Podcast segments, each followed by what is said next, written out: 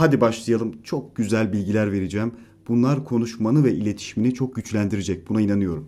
Her zaman gülümseyerek konuşma. Bu bazen aşağılayıcı ya da alaycı bir tavır anlamına gelebilir. Ne demek bu? Şu. Mesela karşıdaki seni eleştirdi. Sen de ona karşılık vereceksin. Şöyle gülümseyerek karşılık veriyorsun. Ve bu zaten gerçekçi değil. Karşı taraf seni eleştirdiyse hele negatif bir eleştiri yaptıysa artık ciddi bir cevap vermen lazım ya da yumuşak bir tonla cevap vermen lazım. Ama sen karşısına geçip gülerek bu şekilde cevap verirsen e, her zaman işe yaramıyor. Yani ben hep gülümseyerek konuşacağım olmaz. Bazen gerçekten itici bir tavırdır gülümseyerek sürekli konuşmak. Yediğin besinler, ruh halin ve duruş şeklin konuşmanı çok etkiliyor. Daha doğrusu sesini etkiliyor. Ben de öyle oluyor. Mesela pizza yedim değil mi? Karbonhidrat. Büyük bir pizza yedim. O gün sesim kötü, ruh halim kötü, e, kendimi iyi hissetmiyorum, sağlıklı hissetmiyorum. Bu konuşmamı da etkiliyor. Ya da tam tersi. Ruh halim kötü, kötü bir haber aldım ya da o gün hiç çalışmak istemiyorum, konuşmak istemiyorum. O zaman da sesim bozuk çıkıyor, çatallı çıkıyor. Çok enteresan. Ne kadar kendimi düzeltmeye çalışsam da ruh halim bozukken kendimi iyi hissetmediğim zaman güzel konuşamıyorum. Bir de daha önemlisi duruş şeklim. Bak şimdi bir duruş şekli göstereceğim sana. Bu şekilde konuşuyorsan konuşmandan çok fazla bir ümidin olmasın. Çünkü bu konuşma biçiminden çıkacak ses, şu an çok zorluyorum kendimi. Bıraksam böyle çıkacak sesim. Ne olacak? Bozuk olacak, özgüvensiz olacak. Duygularımı tam ifade edemeyeceğim. Yani bir sunum yaparken, topluluk önünde konuşurken bence her zaman, bunları da bir tarafa bırakıp her zaman şöyle dik biçimde durmak lazım, dik biçimde konuşmak lazım. Bu madde akademisyenler için gelsin, özellikle akademisyenler için gelsin. Günlük hayatta konuşurken çok fazla bilimsel terim kullanma. Bunu bazen ben de yapıyorum. Kendi mesleğimle alakalı olan İngilizce, Latince terimleri çok fazla kullanıyorum. Karşıdaki kişi yabancılaştığını hissediyor. Nasıl bir duygu biliyor musun? Bunu çok kullanan insan için söylüyorum şu an. Şimdi bir ortamda olduğunu düşün. Senin bilmediğin bir dil konuşulduğunda ne oluyor? Kendini bir yabancı hissediyorsun değil mi? Ortamdan biri değilmiş gibi gitmek istiyorsun oradan.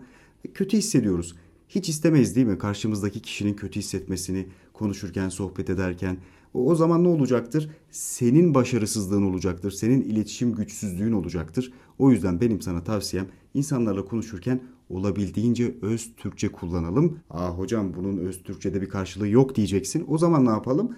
Basit bir şekilde anlatalım, sade bir biçimde anlatalım. O da olmuyorsa o zaman basit bir Türkçe ile durumu anlatmaya çalışırsın. Yani bu kelimenin anlamı şudur gibisinden bir açıklama yapabilirsin. Ramazan'la yaptığınız şakalar her zaman ya da herkes için komik olmayabilir diye bir yazı yazmışım. Ne demek bu?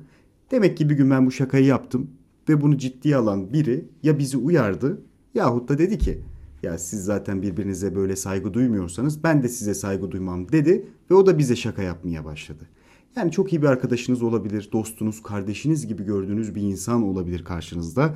Ama topluluk içinde ona saygı duyun, onunla didişmeyin ya da şakalar yapmayın. Kendi aranızda yapabilirsiniz tabii bunda bir sıkıntı yok ama başka insanların önünde mesela biz öğrencilerin önünde ya da takipçilerin önünde bazen şaka yapıyoruz. Mesela Ramazan Hoca'ya diyorum ki çok çirkinsin diyorum ya. Suratın böyle çok çirkin. Bak komik ama bunu normalde biz birbirimize yapıyoruz. O da bana başka bir şey söylüyor. Ve biz gülüp geçiyoruz.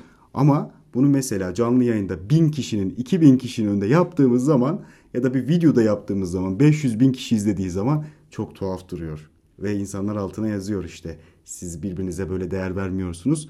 İşte bilmem ne siz hoca mısınız gibi şeyler yazıyorlar. Haklılar da. İnsanların önünde çok fazla bireysel kendi aramızda yaptığımız şakaları yapmama kararı aldık. Bence de çok yerinde bir karardı. Benim en sinir olduğum maddeye geldik.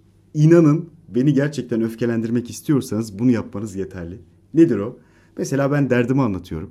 Bir şey anlatıyorum ve fikrimi çok açık bir biçimde belirtiyorum. Ya da üstü kapalı da belirtebilirim. Ama fikrimi söylüyorum. Karşıdaki kişi psikolog gibi bana diyor ki sen aslında öyle düşünmüyorsun. Sen bunun farkında bile değilsin. Sen aslında böyle düşünüyorsun. Bilmem ne. Bak bu çok aşağılayıcı bir şey. Yani ya ben kendi düşüncemin farkında değil miyim? Zaten söylüyorum onu. Şu an sen de duyuyorsun onu. Ama yok. Diyor ki e, sen aslında bunu bu yüzden yaptın. Çünkü sen böylesin. O zaman ben şu an şuursuz bir insan oluyorum. Gerçekten çok öfkelendirici bir şey. İnsanlarla konuşurken psikolog edasıyla dinlemeyin ve onlara psikolog gibi nasihatler vermeyin. Böyle bir seri yapacağım.